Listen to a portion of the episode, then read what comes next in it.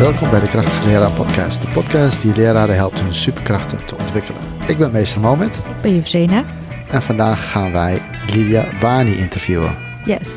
Docent, Docent Economie. economie. Ja, en eh, my nog- sister. ja, jouw zus, mijn vrouw. En eh, we gaan een vraagvuur doen met haar. Juist. Dus eh, veel plezier en tot zo. Tot zo. Doeg.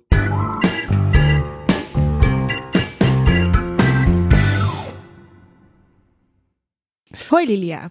Hallo Zinne. Dank je dat je tijd voor ons hebt gemaakt. Ehm, kan je even kort voorstellen wie je bent en wat je doet? En hoe je daar gekomen bent? Eh, mijn naam is Lilia Wani. Ik ben 33 jaar. Ik ben economiedocente. Ik sta vanaf mijn negentiende voor de klas. Toen was ik eh, een derdejaars stagiaire en toen kreeg ik al mijn eigen klasse. Dat was op het Huygens College in Amsterdam-West. Daarna heb ik eh, tien jaar op het Overij in Amsterdam-Noord gewerkt. Ik heb daar mijn LIO-stage gelopen en kon daar dan eh, vast blijven werken. Eh, daarna heb ik een paar jaar op, ehm, eh, op het Zweden College in Amsterdam-Zuid gewerkt. Tussendoor heb ik nog mijn eerste graads economie gehaald. En sinds dit jaar geef ik les aan de bovenbouw 4 en 5 HAVO op de nieuwe HAVO in Amsterdam-Noord. Leuk, zoveel verschillende scholen. En Ja. eh, waarom heb je eigenlijk besloten om toch de eerste graad te doen? Terwijl je al een tijdje juf was. Eh, in eerste instantie dacht ik eh, dat ik dat nooit zou doen. Ik, eh, wilde, ik wilde gewoon met de kinderen bezig zijn en dat vond ik eigenlijk het allerleukste. En economie, ik zie mezelf ook niet als econoom, maar meer als economiedocent. Dus het gaat mij meer om het doseren en het vak. Ja, tuurlijk, economie is natuurlijk het leukste vak wat er is, maar het is niet zo.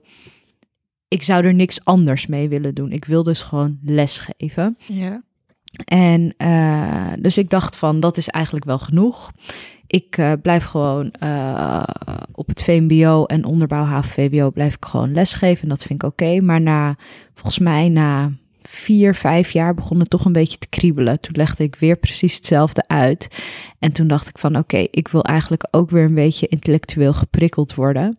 En toen eh, ben ik toch voor mijn eerste graad gegaan. En ehm, ja, en nu heb ik sinds dit jaar dan nu toch de sprong gewaagd om dan ook eerstgraads eh vakgebied eh, les te gaan geven. Ook al ben ik al twee jaar afgestudeerd. Mhm. En dat bevalt me ook heel erg goed. Ja. Het is weer een nieuwe uitdaging.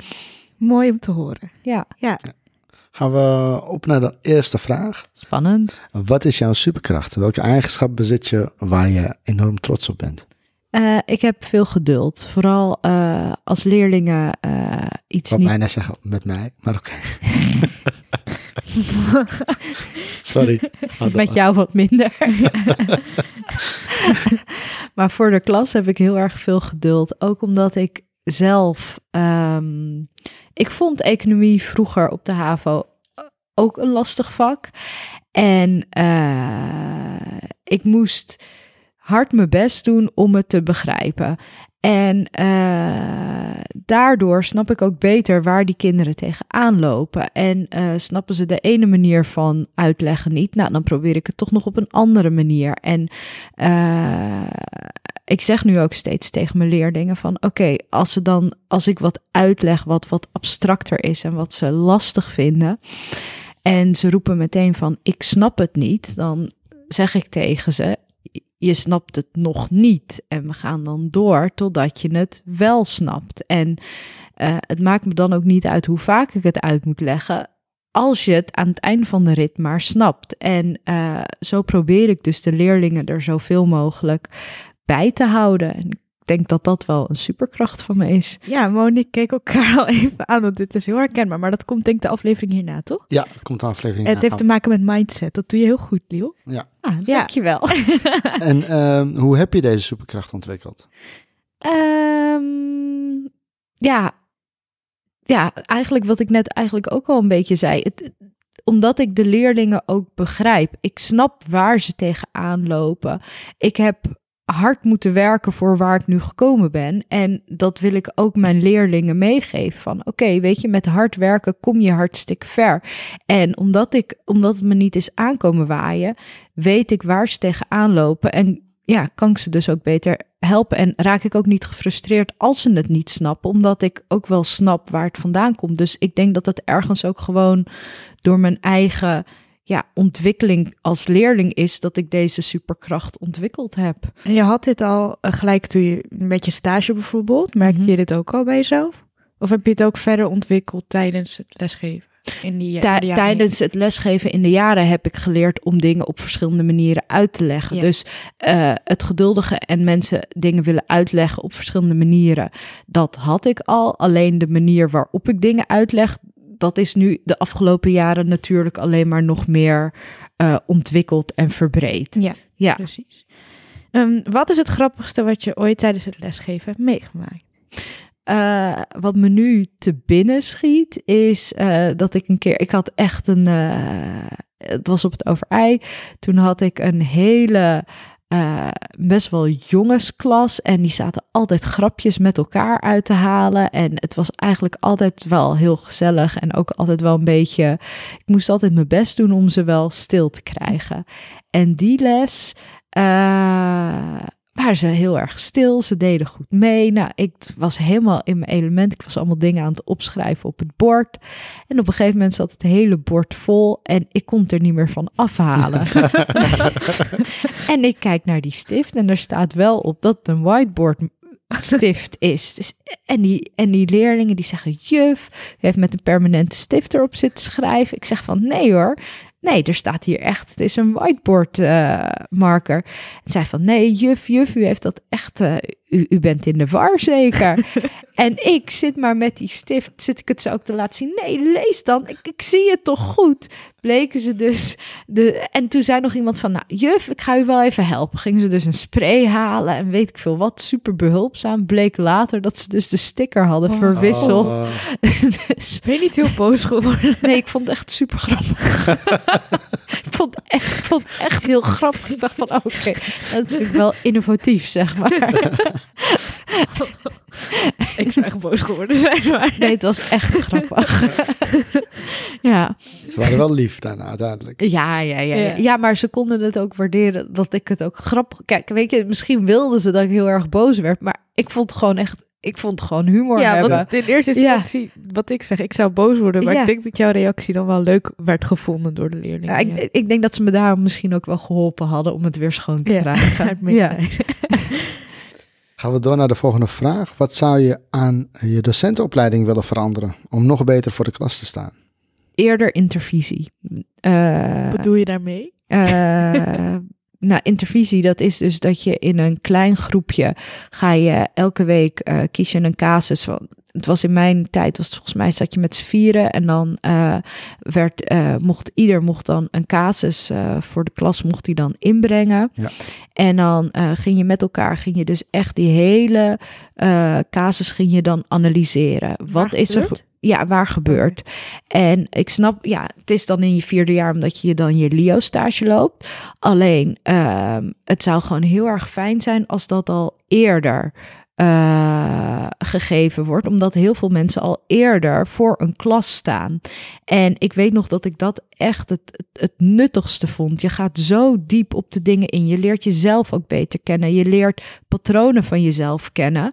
En eh, ja, je kan niet genoeg intervisie hebben, zeg maar, als docent. Dus als dat eh, eerder in de opleiding aangeboden zou kunnen worden, zou ik dat echt heel erg goed vinden. Wanneer Ja. denk je zelf van, oh, in dat jaar zou- had ik het wel nodig? Of eh, Ik had het in mijn derde jaar nodig, omdat ik toen echt zelfstandig voor de klas stond. En eh, dat heb ik toen echt heel erg gemist. Dus ehm, ja, eerste, het eerste jaar geef Nee. je nog niet echt les. Tweede jaar begint het, geef je een deel van de les.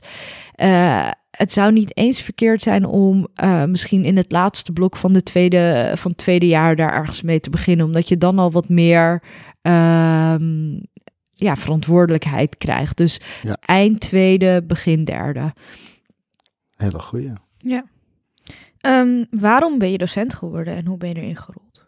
Ik, eh, ik ben er letterlijk in gerold. Ik, ehm Wat wilde je eerst worden? vroedvrouw, dat was het eerste wat ik wilde worden. en op een gegeven moment, het, het, het, het, was, het was echt heel raar. Ik ehm, ehm, vond geschiedenis op de middelbare school super leuk. En eh, biologie vond ik ook heel erg leuk. En in die tijd kon je, eh, kon je dus, ja, of je koos natuur en gezondheid, maar dan was het zonder geschiedenis. Of ik heb dan cultuur en maatschappij gedaan, Zonder bio. zonder bio, Ja, inderdaad. Nog steeds zo. En eh, op een gegeven moment, eh, nou, twijfel, twijfel. Eerst had ik toch natuur en gezondheid. En het begon toch heel erg te knagen, omdat ik eh, geschiedenis toch heel erg interessant vond. En toen ben ik toch voor cultuur en maatschappij gegaan. En dat betekende automatisch dus dat die andere deur gesloten werd. En eh, toen eh, wist ik niet zo goed wat ik wilde. Ik wilde geschiedenisdocent worden of ik wilde basisschooldocent worden. Ik wilde de PABO gaan doen. Toen dacht ik toch van nee, geschiedenis, want daar, ik kan daar toch wat meer de diepte in gaan. En toen eh, zei papa, die zei van, eh, eh, nou, weet je, docent hartstikke goed, maar geschiedenis, daar, daar, ja, daar, kan je, daar kan je geen werk in vinden. Dus is er niet een ander vak wat je eigenlijk net zo leuk vindt? En nou ja, dat was dus economie. En toen dacht ik ook van ja, dat is misschien ook wel slim, want misschien wil ik wel het bedrijfsleven in, misschien wil ik wel iets heel anders gaan doen. En toen eh, ben ik les gaan geven en toen wist ik van nee, dit is gewoon de goede keuze. Ik, eh, ik zie mezelf niet op een kantoor zitten. En eh, ja, zo dus. En je zei dat je economie lastig vond op de middelbare school, maar desondanks vond je het dus wel leuk.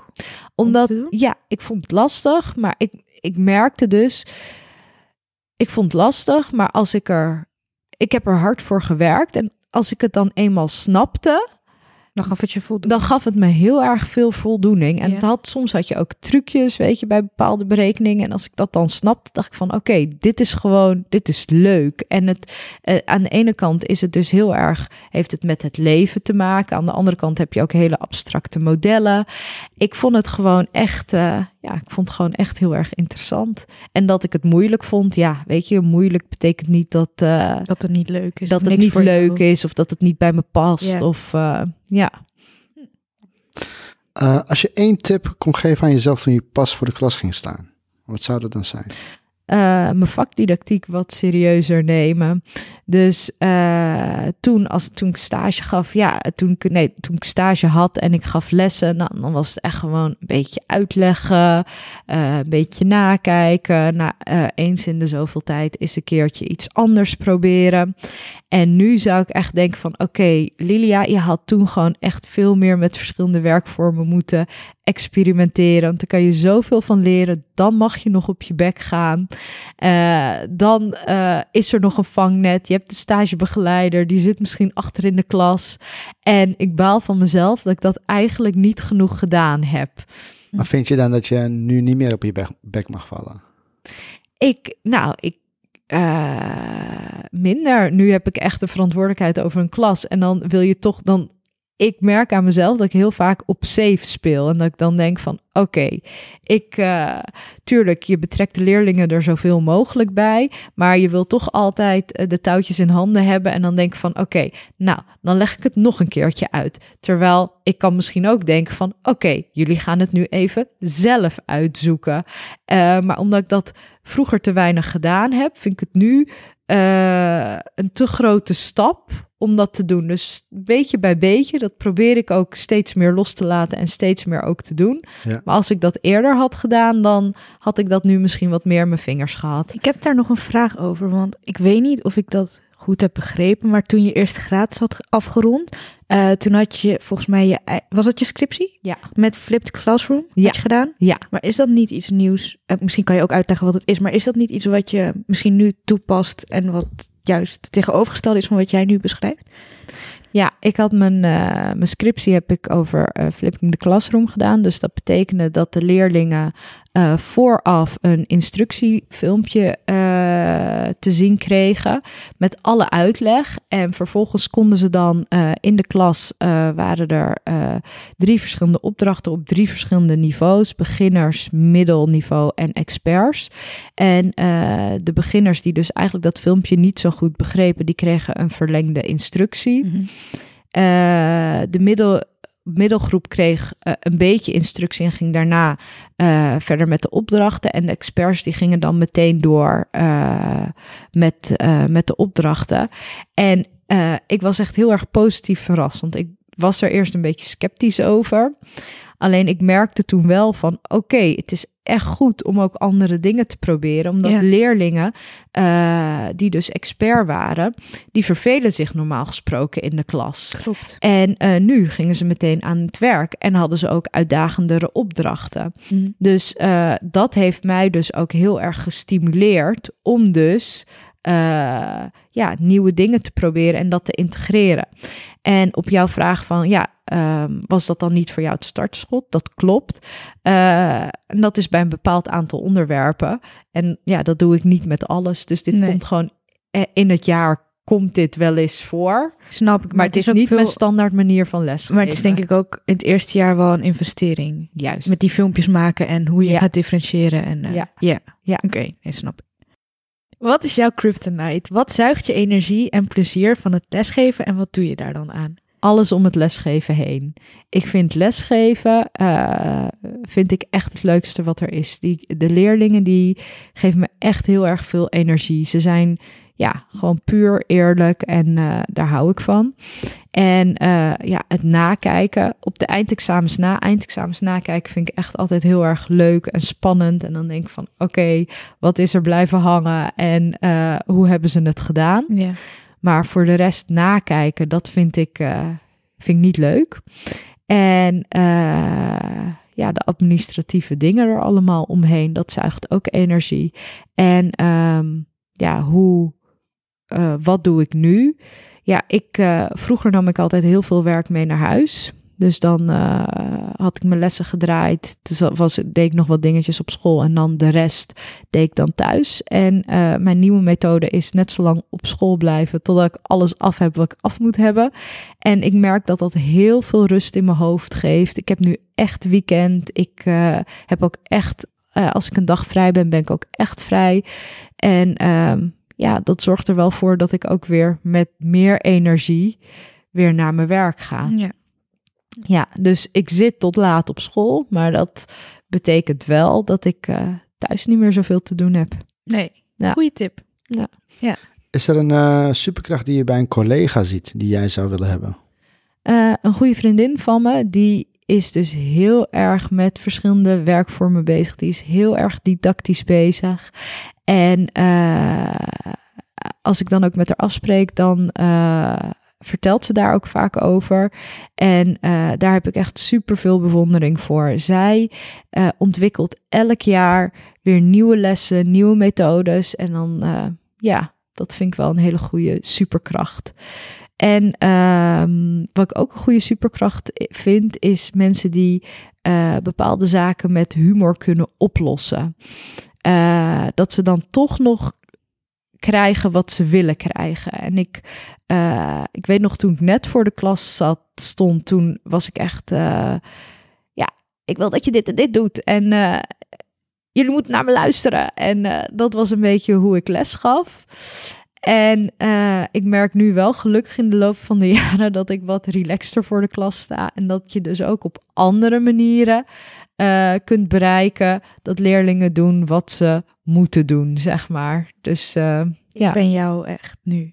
jij bent mij nu. Ja. Ja. Nee, ik ben jou vroeger. Zeg. Ja, Dat je geen humor kan brengen in vervelende situaties in de klas. maar dat komt omdat je ook. Er gebeurt zoveel om je heen in de klas. Je moet op zoveel dingen letten. En je, je, je bent natuurlijk heel erg gespannen ook. Dus doordat je niet ontspannen voor de klas staat, reageer je zoals je reageert. Maar dat gaat echt goed Hoe komen. lang heeft het geduurd bij jou? Er was ooit een eh, collega op het Huygens, want ik weet nog dat ik daar, dat was echt, dat was pittig. En eh, ik kwam echt elke dag.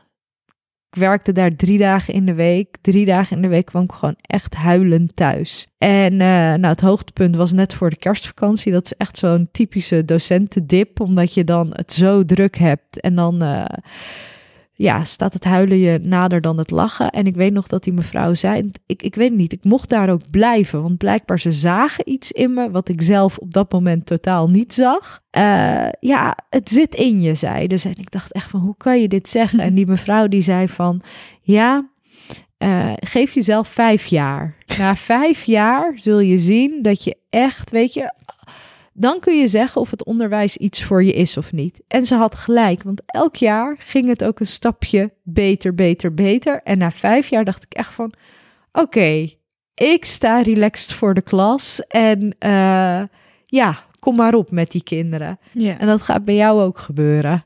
Ja, ik hoop het. Dank je. hoe ziet je ideale klaslokaal eruit? En beschrijf die eens. Mijn ideale klaslokaal is ruim. Want uh, ik zit met uh, eh, 30 kinderen in de klas. En ik merk dat als het dus een beetje een krap klaslokaal is, ik word daar heel erg ja, claustrofobisch een mm. beetje van. Je wil ook een beetje dat je kinderen ergens anders kan zetten. Yeah. Uh, je wil, kijk, als ze samen, als je wil dat ze samenwerken, dan moet dat makkelijk kunnen. In een ruim lokaal, dan kan het ook wat lawaaieriger worden, omdat het geluid ja, verspreid wordt over het lokaal. Dus een, uh, een ruim lokaal wil ik. Uh, veel ramen. Uh, bankstel? Ja. Nee, bankstel Net als Delmar? Nee. Koffie, koffietentje? nee, een bankstel hoeft niet wel een waterkoker, dat ik lekker theetjes kan zetten. En uh, ja, dat dus. Nou, zie jij jezelf wel tot aan je pensioen lesgeven? Ja. ja? Waarom? Ja. Ik heb uh, ik heb binnen het, ja, binnen het onderwijs heb ik dan verschillende functies een beetje doorlopen. Niet echt, uh, ja, ik, ik, ben decaan geweest en vorig jaar deed ik dat bijvoorbeeld alleen maar. Dus ik zat de hele dag op kantoor. En uh, ik ben maatschappelijke stagecoördinator geweest. En elke keer weer merk ik hoe meer ik achter dat bureau zit, achter mijn computer, hoe meer ik denk van, ik wil gewoon bezig zijn met de kinderen en lesgeven. Dus ik, als je het me nu vraagt, denk ik van ja, ik zie mezelf dat wel doen. Tot mijn pensioen. Ik hoop dat ik de energie daar nog voor heb. En dat ik de kinderen nog begrijp tegen die tijd. Jawel, ik denk het wel. Ja. ja. Um, wat doe je wanneer een leerling het bloed onder je nagels vandaan haalt? Vroeger werd ik heel erg boos. Heel boos. En dan schoot ik echt helemaal uit mijn vel. En nu probeer ik het dus een beetje op een andere manier te doen. Want als een leerling het bloed onder je nagels vandaan haalt, die, de leerling wil ook dat je boos wordt. Die doet daar alles aan om jou op, uh, op het dak te krijgen. En um, tuurlijk, als je niet lekker in je vel zit en je bent moe, dan verval je heel snel in boos worden. Maar ik probeer het dus een beetje op een positieve manier uh, op te lossen. Ik denk dan ook van: oké, jij bent nu dus op zoek naar aandacht. En uh, dan probeer ik het dus met humor of op een uh, andere manier, op een positieve manier om te draaien. En ik merk ook dat dat eigenlijk veel effectiever is dan boos worden. Ja. Ja. Heeft bijna nooit echt zin. Nee. Nee. nee. Tenminste, het echte, echte boos worden. Ik wil net zeggen, ja. want als het bloed onder je nagels vandaan halen, dan word je ook ja, echt raakt boos. Het ja, en dan raakt het je. En dat gaat dan echt, uh, dat duurt ook even voordat dat uit je systeem is. Ja, maar ik vraag me dan af, hoe zet je dan de, de toon aan het begin van, want daar hadden we het met Peter Tijdler over, van aan het begin van het schooljaar kan je beter eerst even wat uh, strenger zijn. Hoe ben jij dan? Ja. Ben je ook al gelijk zo? Ik ben duidelijk. Maar ik merk ook, want ik ben dit jaar dan op deze school begonnen en ik was dus super benieuwd hoe ik dan weer zou beginnen. Ik dacht ook van, oh, nou ga ik nu dan de strenge docent uithangen. Maar ik geef bovenbouwklassenles. Die kinderen zijn ook een stuk ouder. Zij zitten er langer dan dat ik zit. Het enige wat ik kan doen is duidelijk zijn. En dat, dat is wie ik ben. Ik verwacht een aantal dingen van ze en ik wil ook dat ze zich daaraan houden. Maar ik merk ook dat ik dus niet ik zit daar niet de hele dag te fitten of te doen. Ik ben wel gewoon mezelf, merk ik ook. En ze weten van oké, dit zijn de grenzen. En ja, daar moet je gewoon niet overheen gaan. En dan gaat het eigenlijk, ja, Goed. gaat het wel goed, gaat Ja. het wel vanzelf. Ja. Ja. Oké. En continu daarna refereren. Ja, altijd eh, je verwachtingen elke keer weer herhalen. Ja. Ja. En dit zijn de afspraken die we gemaakt hebben. Daarin consequent zijn. Ja. Ja. Ja. En dat betekent dus niet dat je de hele tijd, ja, weet je, als je, tuurlijk, als dat is wie je, als dat is wie je bent, de strenge leraar, dan is dat prima. Maar je moet ook niet een soort van act of rol opvoeren of zo. Want dat hebben die kinderen op een gegeven moment denk ik dan ook door. Je moet wel dicht bij jezelf blijven. En dicht bij jezelf, zodat je dus eh, ehm, niet eh, veel energie eh, verspilt, zeg maar. Ja. Ja, ja. Het lijkt me en da- ik denk echt dat leerlingen er ook wel doorheen prikken. Hey, welke leraar van vroeger, eh, VO of PO, voortgezet onderwijs of eh, op, je- op je basisschool, heeft een eh, positieve indruk bij je achtergelaten? En kun je je nog gewoon heel goed herinneren? Ja, het zijn dus vooral, ehm, eh, ik denk, eh, even denken, ja, meneer Leurs, dat was een geschiedenisdocent. Ja. En die kon zo, ja, verhalend vertellen, zeg maar. Ja. En daar is denk ik ook wel eh, de liefde voor dat vak gekomen. Geschiedenis. Geschiedenis, Ja. inderdaad. En ehm, met economie, dat was meneer Gottebos. Die, ehm, want ik had in de derde economie, toen dacht ik echt van, wat is dit voor vak? En ik wilde het ook eigenlijk niet kiezen, maar kwam een vak tekort. Nou, toch maar, ehm, eh, toch maar eh, economie gekozen. En die man die heeft ook echt eh, het liefde voor, ja, de liefde voor het vak aan mij ook overgedragen. Door ook ja, heel verhalend, concreet eh, dingen te vertellen. Ja, Waar zou je nog in willen groeien en waarom? ik zou eh, willen groeien in. ehm, ja, wat ik net eigenlijk ook. Ik zou wat meer willen groeien in het differentiëren in de klas. Dus dat ik echt wat meer eh, de leerlingen op niveau kan lesgeven. Tuurlijk, dat doe je nu al. En dat doe ik dan bijvoorbeeld al eh, met die verlengde instructie, andere leerlingen, ander werk geven. Maar ik zou eigenlijk die leerlingen eh, die eigenlijk onder hun niveau zitten te werken, zou ik eigenlijk nog meer willen eh, uitdagen. En daar wil ik de komende tijd ook wat meer ja, me in gaan verdiepen hoe ik dat nog meer zou kunnen bereiken. Want ik heb natuurlijk geen ervaring in het VO, dus, Mhm. dus voor jullie ben ik heel vanzelfsprekend. Maar ik dacht dus altijd van, je s- zit al op één niveau, zeg maar op de basisschool. Ja. Zit je met verschillende niveaus in één klas. Ja, Maar nu zit jij bijvoorbeeld met HAVO-leerlingen. ja. Ik kan me in mijn tijd eigenlijk niet herinneren dat, dat er gedifferentieerd werd. Toen ik op de middelbare school Ja. zat. Het is ook nu, het, het begint steeds meer te komen. Vroeger was het eigenlijk, in mijn tijd was het ook eigenlijk niet Nee. zo. En eh, nu, ja, ik heb ook leerlingen die van het VWO afkomen. Hm. En eh, misschien zijn die wel afgezakt omdat ze bijvoorbeeld heel slecht waren in wiskunde. Ja. Eh, je doet hier in Nederland examen in je slechtste vak eigenlijk. Eindexamen in je slechtste vak. Mhm. Als jij bijvoorbeeld voor een aantal vakken super, ja, er gewoon niet zo goed in bent, bijvoorbeeld wiskunde, natuurkunde, scheikunde, nou, dan doe je dat op HAVO-niveau. Maar stel je bent wel eh, een alfa, je bent supergoed in de talen, je kan niet de talen op VWO-niveau eindexamen doen en de rest op HAVO. Dus je gaat dan naar de HAVO. Maar Ja. dat betekent niet dat je bijvoorbeeld bij Engels of bij Nederlands niet extra uitgedaagd zou moeten worden. Dus, eh, dus dat. Dus het bestaat wel en eh, Ja.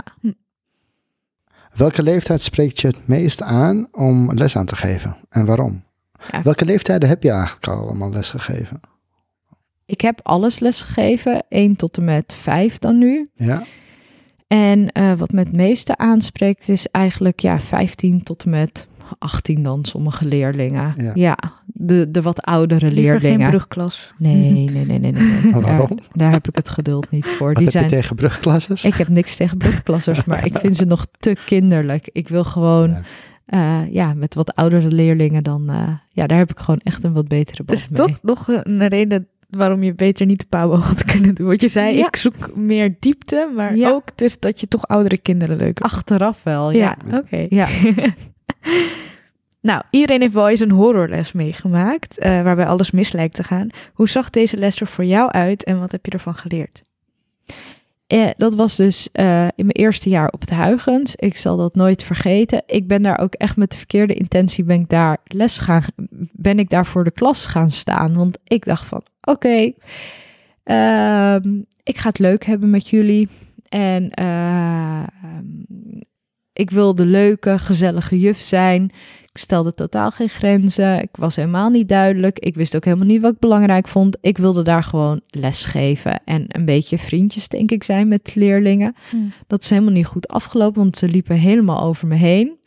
En eh, het was gewoon chaos. En ik weet nog op één les, weet je, ik- ik had het overzicht ook helemaal niet. Dus er gebeurde van alles en nog wat. Ik draaide mijn hoofd om, er gebeurde er daar wat. En de ergste les was dus dat ik draaide me om. Chase er op een gegeven moment een, eh, een batterij langs mijn hoofd. Wow. Echt eh, net niet geraakt. Ik draai me om, zijn er twee leerlingen aan het vechten. Ik, ik weet echt... Er gebeurde, het was echt een soort van slechte film. Er gebeurde in elke hoek waar ik keek, gebeurde er wel wat. En wat heb ik ervan geleerd? Nou ja, dat jaar daarop ben ik naar het overij gegaan. Ik dacht echt van, dit gaat me gewoon nooit meer gebeuren. En toen ben ik echt gaan nadenken van, wat vind ik belangrijk? Hoe moet ik mijn les nu, wel, hoe moet ik eigenlijk wel gaan starten als ik, eh, als ik ergens begin? En het was, ja, het was een hele harde leerschool, maar ik heb er echt heel erg veel van geleerd. Ja. Moest je dit dan ook tot het eind van het schooljaar eh, blijven ervaren? Of is er ook nog wel wat veranderd? In het Nee, er is niks veranderd. Oh, het, is, het was gewoon overleven. En dat Oh. was ook goed. En ik ben ook eigenlijk een beetje trots op mezelf dat ik daar tot het einde van dit jaar dat je ook niet bent afgehaakt. Nee, ik dacht ook echt niet. van, ik moet dit, dit moet ik gewoon afmaken. Ja. Klaar, weet je. Opgeven was ook geen optie. Nee. Zo raar. Ja, Ja, ja maar het, wat- wat- het contrast tussen hoe je nu bent en toen, dat eh, ja. Niet te zien. is niet te zien. Nee, hè? Nee. Welke tools gebruik je om de band tussen jou en je klas te versterken? Of tussen jou en bepaalde leerlingen? Ik... eh, Tool of tools? Mogen er ook meerdere zijn. Ja, ja, ja, ja, ja. Nou ja, interesse in de leerlingen tonen. Dus eh, bijvoorbeeld, eh, nou ja, als je mentor bent, dan heb je natuurlijk ook mentorgesprekken met de leerlingen. Maar ehm, eh, bij mijn gewone klassen, kijk, je stopt altijd eh, bijvoorbeeld vijf, soms tien minuten van tevoren. We hebben nu 70 minuten rooster, dus ik eh, geef niet altijd 70 minuten lang les. Dus het kan zo zijn dat ik bijvoorbeeld 10 minuten van tevoren of 5 minuten van tevoren even stop. En dan elke keer bij andere leerlingen staan. Even een praatje met ze maken. Ze ook al begroeten bij de, bij de deur. Als me iets opvalt. Oh, naar de kapper geweest. Oh, wat een leuke jurk. Eh, als iemand ziek was. Hoe gaat het nu met je? Iemand was er bijvoorbeeld een keertje niet. Hoe voel je je nu? Gewoon vragen stellen en laten zien, ik zie jou. En ook niet, weet je, de leerlingen eh, langs me laten lopen. Nee, echt even een handje geven, even begroeten. En als ze dan de deur ook uitgaan, ook weer bij de deur staan. Fijne dag nog, eh, heb je het begrepen? Dus continu, zeg maar, laten zien van, eh, ik zie je, je kan altijd naar me toe komen en ik ben geïnteresseerd in je. Ja. Ja. Dat merk ik ook. Want eh, ja, jij geeft niet, dus geen les bij mij op school. Maar je kent wel al mijn leerlingen. Dat is echt heel creepy. Ja, nee, ja, want- grapje. Nee, want als ik dan thuis kom, dan, eh, dan vraag jij daarna van hey, hoe was je dag? En dan vertel ik van oh ja, en, eh, ik heb dit en dat meegemaakt. En de volgende dag weet jij nog alle namen. En, eh, en wie wat heeft gedaan en al die andere dingen. En dan vind ik dat, ja, dat vind ik best wel knap. Ja, dat, dat je echt die interesse hebt. Ja. Dus eh, ja, wauw. Dankjewel. Ja, Het geheim van snel en effectief nakijken is... Gewoon per vraag nakijken. per vraag. Ja, Is de- dat hem? Ja, dat is hem. Want dan ga je er echt heel erg snel doorheen. Op een gegeven moment weet je dan precies van... oké, dat moet het antwoord zijn. En dan tak, tak, tak, tak, tak. En je maakt dan ook minder fouten... omdat je ook precies weet wat je wel en wat je niet goed Ja, rekent. Dat heb ik af en toe, Ja. wanneer ik het helemaal... eh, ja, nee. Ja, dan, dan denk ik van, oh ja, hoe had ik deze nou weer? En dan ga ik terug zitten Ja. bladeren en dan word ik Ja. daar. Dat, dat, oké. Ja, Per vraag. per vraag. En hoe zit het dan met de eh, eindexamens? Oh, eindexamens, dat... eh, oh, die kijk ik echt drie keer na. Ja? Ja, ja. Drie keer? Nou, de eerste keer doe je het per vraag. Ik doe het elke keer per vraag, maar uh, doe je het per vraag. En dan let ik heel erg op het antwoordmodel. Nou, daar hou ik dan heel erg aan vast. Dus dan ben je eigenlijk heel streng bezig. Oké, vervolgens komt er zo'n vergadering met uh, andere, uh, met allemaal docenten van, uh, de economiedocenten van het hele land. Er komt daar een verslag van. En dan ga ik nog een keer kijken van, oké, wat had ik nu wel nog goed kunnen rekenen? Of wat moet ik eigenlijk fout rekenen wat ik goed heb gerekend? Dus dan moet ik weer alle leerlingen door. En dan de derde keer, nou ja, ik bel ook nog heel erg vaak met collega's. Dus tussendoor dan zit ik ook nog dingen te verbeteren. En dan nog als ultieme check even kijken van, ben ik wel consequent geweest bij iedereen? Dus uh, met de eindexamens, nou, dan uh, moet ik me echt even een paar dagen opsluiten. Ja. Uh, want je wil het toch zo goed mogelijk nakijken. Mm Ja. Oké, okay, goede tip. Ja. Hoe blijf je innoverend in het voorbereiden van je lessen? Uh, sowieso zoveel mogelijk de actualiteit er ook bij halen. Want ik merk ook dat leerlingen uh, ja, niet zoveel nieuws kijken. Dus elke keer zeg ik ook van, nou, dan heb je wat te vertellen aan de eettafel. En dan zeggen ze ook van, uh, nou, daar heb ik het niet over aan de eettafel. Zeg ik, doe het toch maar, is leuk. en dus ik probeer in ieder geval uh, dat er elke keer bij te halen en innoveren. Ja, wat ik zei, andere, ja, ver, zoveel mogelijk verschillende werkvormen ook gebruiken, zodat het voor leerlingen niet saai wordt. Wat is het belangrijkste wat je leerlingen probeert bij te brengen? Uh, dat met hard werken je echt heel erg veel kan bereiken. Uh, wat ik ook al zei, je snapt het nog niet. Dus dat je dus niet zomaar moet opgeven, niet uh, zomaar de handdoek in de ring gooien. En uh, ja, ja dat, dat je echt heel erg veel kan bereiken als je maar hard werkt. En dat probeer ik ze dus ook te laten zien van, weet je maak je huiswerk, doe je best en dat soort dingen. En dan, dan kom je er wel. Dus dat ze ook echt zien actie-reactie. Ik uh, kom in actie en dan behaal ik ook de mooie resultaten. Mooi. Ja.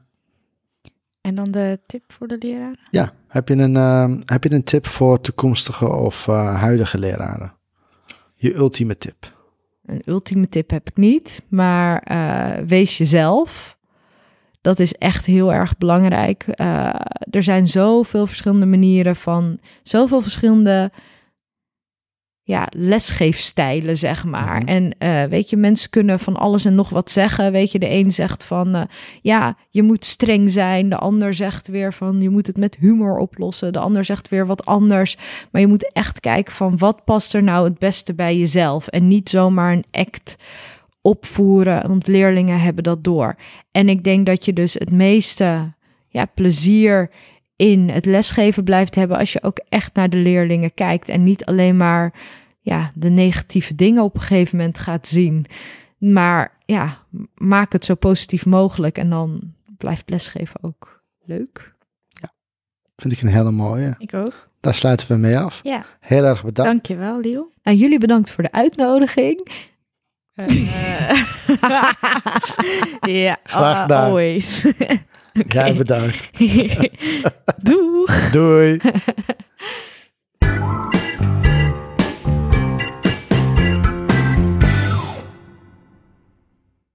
Welkom terug.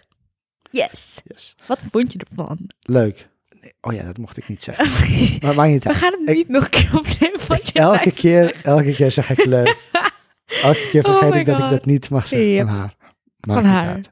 Ja, van haar, hè? Van Lilia. Van Lilia. Ja. Alright, ehm, ja, ik vond het eh, heel erg eh, leuk om met haar hier eh, te zitten praten erover.